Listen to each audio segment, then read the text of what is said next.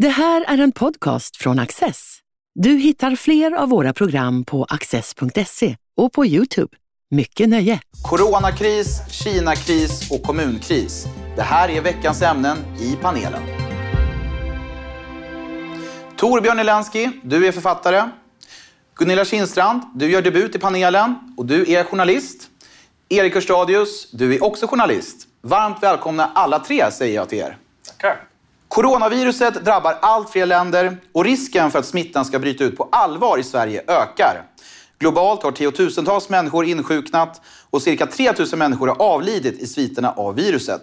Frågan många ställer sig nu är hur god är den svenska beredskapen vid ett eventuellt coronautbrott? Torbjörn, vill du börja? Absolut. Eh, och då måste jag ju säga det att jag kan ju naturligtvis inte bedöma hur god den svenska beredskapen är. Fast min känsla är att den inte nödvändigtvis är jättebra. Det verkar som att man från myndigheters håll försöker snarare lugna folk och få folk liksom att acceptera att ja, det kan komma, det kan spridas lite, men, men det kommer inte bli så farligt. Jag vet inte om det är av ekonomiska skäl eller politiska eller sociala. För det är den andra saken när det gäller corona nu, som det diskuteras om det i sociala medier till exempel, att även den frågan verkar politiseras. Så att det finns en sida som förväntar sig total kollaps och en sida som tänker att allt är lugnt. Och jag vet inte om kollapssidan generellt är höger och den andra vänster så att säga. Och jag vet inte. Så förutom själva sjukdomen så är det ännu ett symptom på ett sorts debattklimat som är helt binärt och helt sjukt skulle jag säga. Där man inte ens kan ta en sån här sakfråga som en samlande nationell angelägenhet utan allt blir liksom åsiktsskiljande på det där sättet. Håller du med Gunilla? Ja, jag tycker det är intressant att jämföra med andra perioder av stark oro. Så nationella angelägenheter. Vi kan titta på svininfluensan och vaccinet. Vi kan gå så långt tillbaka som till Tjernobylkatastrofen där liksom eh, man såg att eh, eh, staten, den nationella nivån, talade med en röst och medborgarna tog emot. Och det, I efterhand så kan man ju tycka att det också kanske var för mycket åt det hållet men med tanke på vad som kom fram om, om risker och så. Men det, det, är ett helt annat Sverige idag och en helt annan oro och brist på tillit. Och jag tror också att det slår igenom det här som vi har någonstans vant oss vid de senaste åren att eh, makthavare makthavare av olika slag säger en sak men egentligen befinner sig världen på en annan plats. Alltså det finns en retorik ja. på två nivåer som är oerhört stressande för medborgaren. Alltså det är en känsla just som ligger i det där av att man inte helt kan lita Nej. på vad de säger. Och den tror jag, om någonting förenar både höger och vänster så är det väl kanske möjligen det, även om vänstern kanske har lite mer förtroende fortfarande. Ja, det, är, det är väl rätt uppenbart att det finns en generell misstro, inte bara i Sverige utan i stora delar av världen, mm. eller liksom västvärlden, mot institutionerna. Och det slår jag även ner på nu, alltså epidemiologer och så vidare, experter. Mm. Jag delar kanske inte riktigt bilden att det är så binärt och att det här har blivit en, en, en kraftig stridsfråga mellan höger och mm. vänster, utan det är mer liksom just en, en misstänksamhet, har de koll? Men om man tittar på vad som faktiskt kan hända, så jag brukar liksom säga lite larvigt, men men också sant att jag är rädd för saker som jag kan se. Eh, typ lejon och, och läskiga ungdomsgäng eller någonting i gränder, mörka gränder. Men, men sådana små saker som jag inte kan se, de har jag svårt att vara rädd för, som virus och bakterier och sådana saker. Eh, men, och det, jag tror faktiskt jag del, delar den känslan med ganska många. Men oavsett detta, när jag försöker sätta mig in i vad det är, ett, en, en, ett influensavirus, så har jag ju stor chans att klara mig som är liksom en typ frisk, välnärd västerlänning med förhoppningsvis, säger jag tillgång till god sjukvård. Men det här ska vi tänka på. Ehm, det finns ju då gamla människor, sjuka människor, barn och så vidare som om det kommer igång en spridning lite på allvar i Sverige. Det enskilda fallet kan vi nog ta hand om ganska bra, för vi är bra på på liksom den spetssjukvård. Men om det är väldigt många som kommer och så pressad som sjukvården redan är, hur många vårdplatser kan vi skaka fram?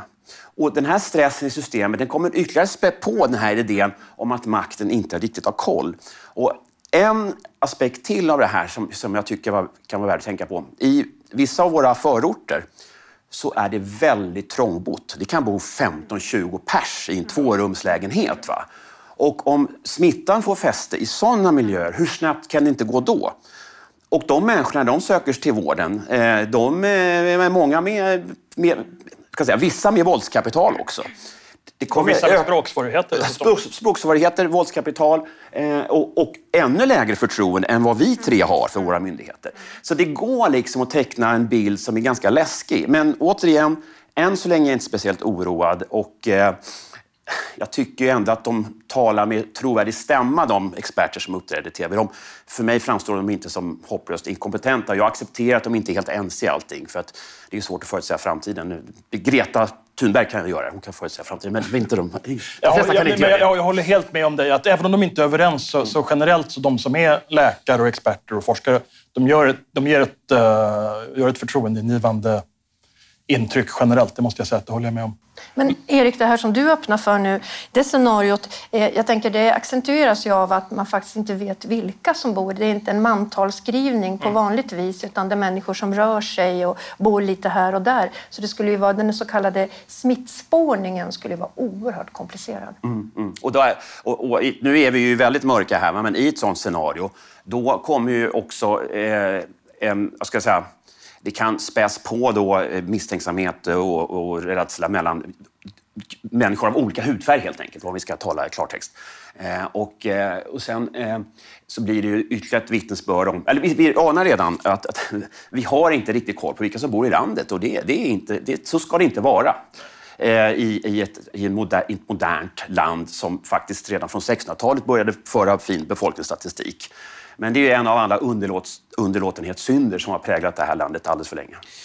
Eh, Jag tänker, världens marknader har ju eh, reagerat väldigt negativt på det här coronaviruset. Finns det en risk för att det här kan sätta igång en eh, någon typ av ekonomisk kris? Alltså, det är också en sån här grej som är jättesvår att bedöma. Jag tycker att precis som när det gäller smittspridningen så ska man ju vara förberedd på det värsta och hoppas på det bästa. Men jag menar, Italien till exempel då, som är det värst drabbade landet i Europa och jag tror överhuvudtaget utanför Kina beroende på hur mycket man kan lita på länders statistik och sådär. Ehm, det är ett land som redan hade dålig ekonomi och som redan hade dålig tillväxt. Om den blir ännu sämre eller till och med kanske det blir en sorts, eh, jag vet inte, någon sorts recession i Italien. Det kan ju påverka övriga EU också så att säga. Oavsett hur bra och duktiga vi är i Sverige och även om inte smittor sprids här lika snabbt som i andra länder. Man kan ju se det här i någon mening som en... Om, om den här viruset, vilket jag ju tror då, utifrån den information jag har, att det här kommer inte bli någon sån här spanska sjukan som ju dödade många miljoner eh, i för, alltså början av 1900-talet och kommer inte bli någon digerdöd eller någonting. Man kan ju säga som ett, ett stresstest av systemet. Alltså medvetenheten om att pandemin är ett stort framtida hot. Den riktigt stora pandemin med riktigt farliga sjukdomen. Och I den meningen kan det vara bra att, att vi ändå, inte bara Sverige då, utan många länder, att man, man övar upp kommunikationskanalerna och hur man ska ge information och sådana saker. Och, och också skaffa en beredskap med, med vårdplatser eller vad som helst. Ja, Experter. Och, och man kan ju dessutom spinna vidare på det här. Nu finns det ju i Iran ganska mycket. Om det kommer in i de stora flyktinglägren som finns i Mellanöstern och på andra håll, hur går det då? Där finns det ju knappast vård som ens är på svensk nivå, inte ens på Södersjukhuset-nivå. Men, men sen tror jag det händer någonting mellan överenskom alltså överenskommelsen mellan individen och världen. Eh, och då menar jag att man liksom inser att det, det är inte lika enkelt att röra sig. Nästa pandemi kanske kommer att bli ännu värre. Att man skriver om sin relation till hur man liksom hanterar sitt liv. Det är väl vad många människor håller på att göra nu i klimatförändringarnas spår beroende på hur man nu uppfattar det här. Men det är inte lika lätt att eh, liksom tänka sig att man tar en, eh, en weekendtrip till Rom eller man kanske tittar först eh, vad är det som händer där nere. Och jag tänker på, eh, jag vet inte vad DNs klimattåg eller vad det kallas, de som åkte mot Venedig och blev fast för att de inte kom in i Norditalien och Ja. karnevalen var mm, ja, princip inställd, ja, i delvis princip inställd. eh, inställd. Det, det, det, är en- det är en intressant symbolisk händelse för att människor betalar jätte- jättemycket pengar för att följa med det där tåget, mellan 30 Ja. och 80 000 eller någonting. Sanslöst. Det är otroliga eh, många kronor. Men, men eh, man gör det för att man tänker att man kan navigera med sin välfärd. Kan man navigera i det här nya föränderliga landskapet? Och så visar det sig, nej, kom någonting som vi inte hade förutsett. Ja. Så här, 2019 var året då folk avstod från att flyga till Rom på grund av flygskam. Då avstår man från att flyga till Rom på grund av att man är rädd för att bli sjuk. Ja. Och det får avsluta veckans första ämne. Nu är det dags att gå vidare till det andra ämnet. Fängelsedomen mot den svenske bokförläggaren Gui Minhai upprör världen. Helt plötsligt och utan förvarning dömdes Gui till tio års fängelse av en kinesisk domstol. Dessutom, hävdar Peking, har Gui avsagt sig sitt svenska medborgarskap. Det är ett påstående som få bedömare tar på allvar. Frågan är nu, hur ska Sverige agera? Gunilla? Ja, hur ska Sverige agera? Den här historien har ju så många kapitel och den som lyckas skriva den gör nog en bestsellerroman för den innehåller ju dolda vrår och egendomligheter och en sorts eh, eh thrillerartad eh, nivå på hela historien. Men jag tänker att eh, för några dagar sedan, så, så apropå hur företag, eh, eh, ja, enskilda personer, staten agerar. För några dagar sedan så, så berättade ju Expressen att Fredrik Reinfeldt hade ett stort engagemang i Kina via ett bolag. Och det som var intressant med det tycker jag, jag tror att många som känner eh, Kina visste om det här. Men det har på något sätt inte lyckats blomma upp i media och det var ytterst få som plockade upp den nyheten i mm. svensk vad ska jag säga, traditionell media utan Expressen har drivit den här på egen bevåg, eget bevåg men andra har liksom skyggat lite grann så man ser att det här är ett underbevakat område. Vi vet för lite. Ja, jag tänkte på det du sa i, i, i så att säga, ingressen till ämnet, Erik. Att, eh, hela världen är, har markerat mot det här eller någonting. Nej, jag, världen skiter i det här.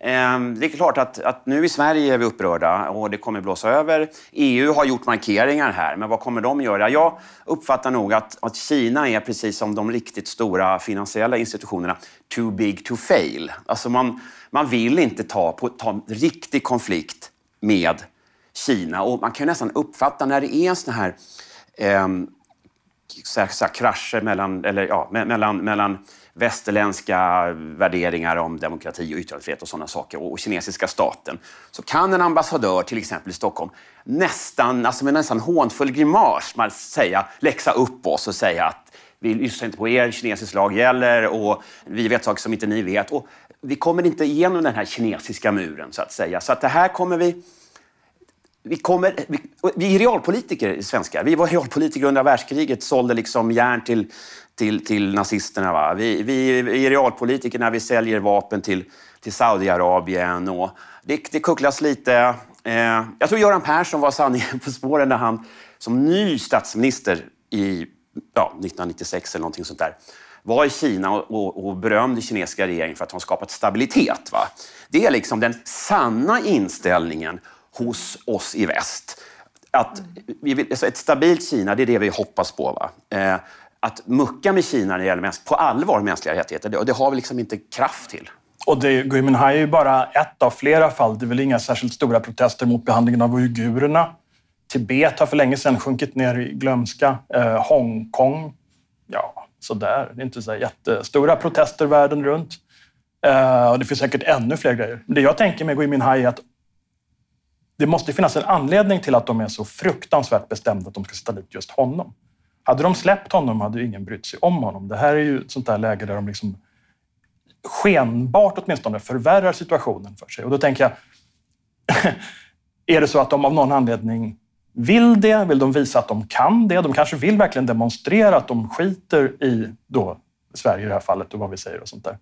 Och då är ju också den jobbiga frågan som alltid när det gäller såna här saker, också David Isak och så, motverkar påtryckningarna och kampanjerna eller hjälper ja, det, dem. Alltså det blir som en prestigeförlust ja, för kinesiska regimen om de släpper honom, så att säga. Ja. Eh, efter mycket buller och bång. Men man, som Carl Bildt fick ju loss de här eh, journalisterna i... Ja, eh, som, det var Ogadenprovinsen ja. dit var Schibbye Persson. Ja. Och det var, ju, det var ju förhandlingar som skedde med etiopiska regeringen liksom osynligt för, ja. för media. Och, där, och därmed menar inte jag att man, ska, att man ska ligga lågt. Vi ska protestera och vi ska följa våra egna principer när det gäller yttrandefrihet och så vidare. Absolut. Eh, fast jag tror att man måste tänka sig att det, det ser annorlunda ut från andra håll. Ja, men det är lite så här, det här är mina principer, men duger inte dem så byter jag dem. Ja. Alltså, det, det, man kan snacka om principer och mänskliga rättigheter, men till slut så... Det, var väl Brecht som sa någonting om att först kommer maten, ja, ja. sen kommer moralen. Va? Das Eh, och eh, det, det, det, jag har redan sagt egentligen att, att halvhjärtade försök och liberala ledarsidor och kultursidor visar ett rättmätigt stöd. Absolut, det är klart att vi ska markera var vi står. Men, men det finns ingen riktig kraft bakom punchen. Sen är, sen är det ju spännande det här också. med kinesiska, alltså de ekonomiska relationerna mellan Sverige och Kina. Mm. FOI släppte en rapport bara för ett par, tre månader sedan som redogör för kinesiskt ägande i svenska företag. Och det är allt ifrån i Acne och Oatly som man känner till, till Filmstaden och Volvo naturligtvis. Mm. De köper upp teknikföretag, de köper upp elektronikföretag, de köper upp olika typer av industriföretag. Två företag som säljer fyrverkerier, eller tillverkar fyrverkerier menar jag. Ehm, så att det finns enorma kinesiska intressen och ett stort intresse i Sverige av att behålla de här investeringarna och antagligen se till att de fortsätter att komma också. Det är kanske ingen slump heller att ex-politiker då, som Fredrik Reinfeldt och Anders Borg har, alltså, i och med att de har sådana här engagemang i, i de här olika kinesiska bolag, så, alltså Anders Borg talar ju väldigt väl om Kina. Och jag, ja, ja. jag, här fördömer jag inte Anders Borg någonting, men hans, han, när han beskriver sin bild av Kina så är det en fantastisk teknisk utveckling och ett stort utrymme för entreprenörskap.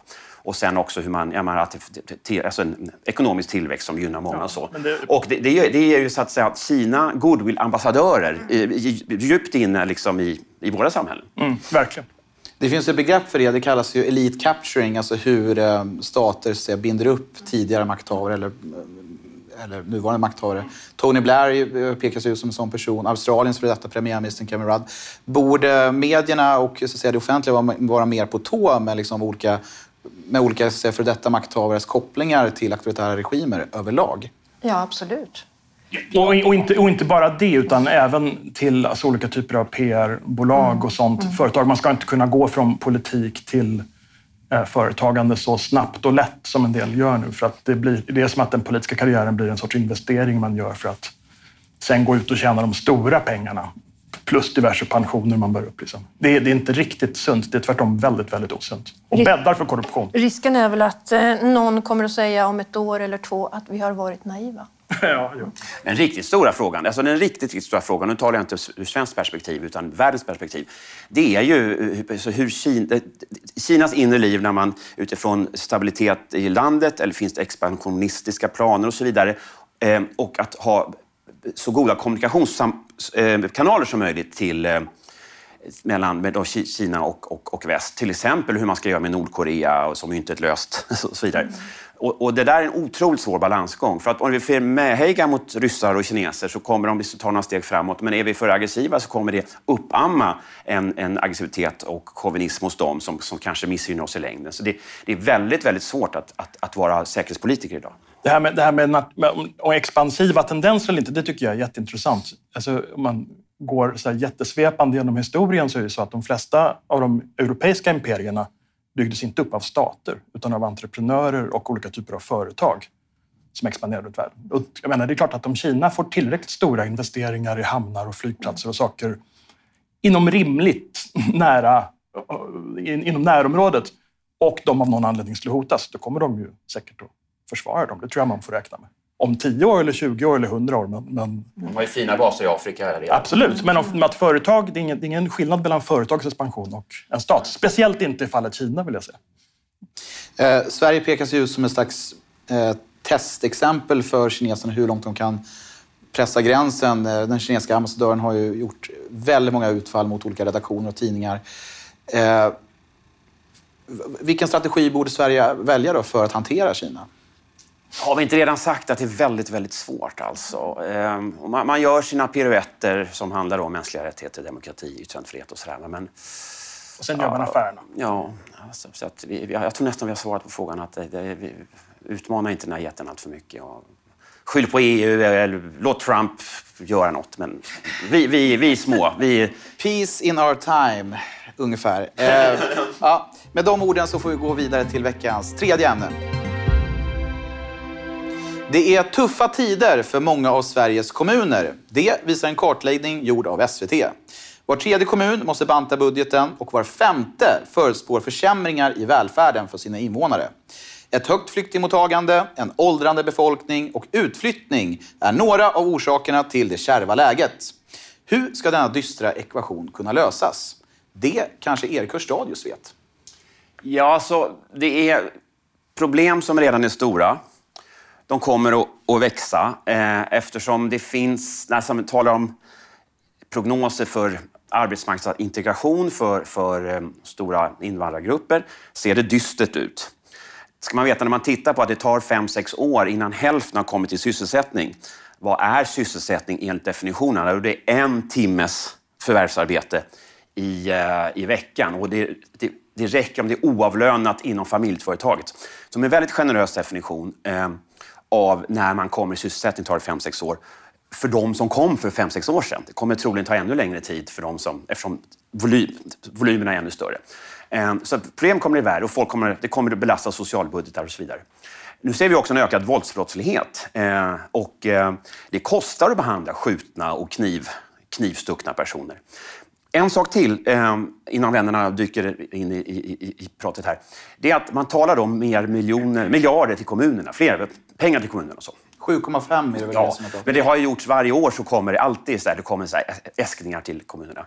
Men miljarder hjälper inte problemet eh, på längre sikt. För att hur många miljarder du än har så kan du inte få fram nya socialsekreterare, nya lärare, eh, nya kuratorer, nya poliser hur snabbt som helst. Och de som redan finns i systemet och, och vårdpersonal, de kommer kunna driva upp sina löner. Grattis dem! Men, men de kommer också bli mer stressade eh, och vissa kommer lämna yrket och så drivs lönerna och kostnaderna upp ytterligare. Det, räcker inte med miljarder för att eh, täcka upp de här alltså, flaskhalsarna i systemet. Utan, eh, och därför är en sån här snabb befolkningsökning som Sverige har haft fullständigt unik eh, i, i, en välfärdsstat. En välfärdsstat har aldrig haft så stor befolkningsökning och den är driven av invandringen. Den, ingen samhällsplanering i världen kan så att säga råda bot på det. Och inte heller en god statlig ekonomi. Så att den enda prognosen här är att problemen kommer att bli värre och värre och det kommer utkrävas politiskt pris för detta också. Om inte förr så är valet 2022. Och då kommer folk som inte springer till Stefan Löfven och säga yes, vi gillar dig. Det kommer att vara andra politiska svar. Vad tänker Gunilla? Jag tänker att eh, det har tagit så oerhört lång tid innan den här frågan har nått någon sorts politisk nivå. Det här kunde ju Sveriges kommuner och landsting, som de hette då, skriva fram för flera år sedan. Eh, det fanns ju utredningar som pekade precis åt det här hållet förstås. Men ingen på politisk nivå eller myndighetsnivå ville ta i det här för att man vill inte bli förknippad med de här frågorna som Erik eh, beskriver. Och, och det här drabbar ju vård, skola och omsorg men det kommer ju förstås också ta alla andra sektorer. Jag följer ju kulturpolitiska frågor ute i landet ganska noga och där ser man ju att under en lång tid, alltså här kommer det att bli jättetufft för de modeller som, som kulturpolitiken vilar på kräver ju tillväxt de är inte byggda för det här scenariot. Det kommer ju att rasa och det vet alla men ingen vill tala om det heller. I och för sig är kanske kultursektorn liksom av en mindre dignitet än vård, skola och omsorg men man kan ju se det ändå som en sorts stresstest. Va?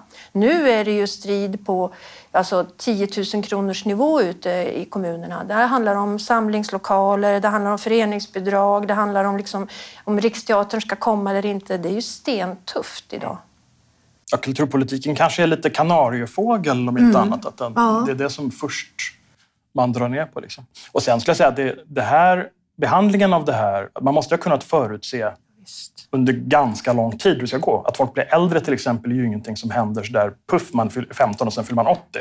Utan det är ju någonting som utvecklas. Man borde ha kunnat räkna på det här, stå för saker och ting, ta ansvar i tid. Uh, och av någon anledning har man inte gjort det. Det stämmer absolut inte att man varit naiv. För det går. Det finns ju de sen frifräsare som har räknat på det hit och dit, men som då naturligtvis betraktas som eh, jo, man kan bedragare mer eller mindre. Man har varit naiv och blind och dum. Men varför? Har man ja, ja, för, ja, det, det är för att den här otroliga rädslan för att förknippas med åsikter som i sin tur kan förknippas med, med SD eller, ja, eller ja, ja. man är rädd. Så att, men sen så tar det här demografiska argumentet som handlar ungefär så här, som har framförts av ledande politiker under många år. Eh, Annie Lööf tog upp det förra året, kommer jag ihåg. Vi behöver de, här in, de unga invandrarna för att försörja våra äldre. Det handlar om försörjningskvoten. Hur många, hur många, yrk, hur många så att säga, i försörjningsålder eh, stöttar då de som inte är det, det vill säga gamla och barn och, och så. Ehm, men det här, de här som kommer i så fall, om de nu skulle komma i arbete, vilket tyvärr inte många gör, de blir ju gamla också och måste försörjas. Så man, det finns ju beräkningar på om vi ska ha konstant försörjningskvot om 30-40 år, då börjar en invandring på kanske 30 miljoner. Alltså det är helt absurt. Vi, vi, kan inte ha så att säga, vi kan inte så att säga, bygga invandring på att vi ska ha en konstant försörjningskvot. Ehm, så det är liksom ett falskt argument. Eh, ett av många falska argument som har framförts ehm, när man sa att vi tjänar på invandring och sådana saker. En liten grej till är att man har lurat kommunerna så det står härliga till med, med när, när, när början de ensamkommande började komma i stora volymer och sen den stora flyktingkrisen så sa man i kommunerna så här. Titta, ni får jättepengar här för att ta hand om det här. Och för många kommuner var det en vinstaffär. Två år. Under två Ja, år, ja. under två år. För då fick man så stora statliga bidrag. Vissa kommuner kunde alltså skära emellan många hundringar per dygn för att ta hand om en ensamkommande. 2000 spänn från staten kostar 1000 spänn att fixa själv, säger vi. Tusenlapp. Men den här vinsten försvinner ju när staten drar sig undan och de här personerna ska komma i dels försörjningsstöd, alltså dels socialbidrag då, men också kan vålla andra kostnader om de Ja, om de är vårdbehövande, en del är ju krigsskadade och så vidare. Eller brottslighet och sådana saker. Så att det är inte konstigt att kommunerna kraschar. Först blir de mutade med någon, och så drar man undan mm. den där mutan, men kostnaden står kvar.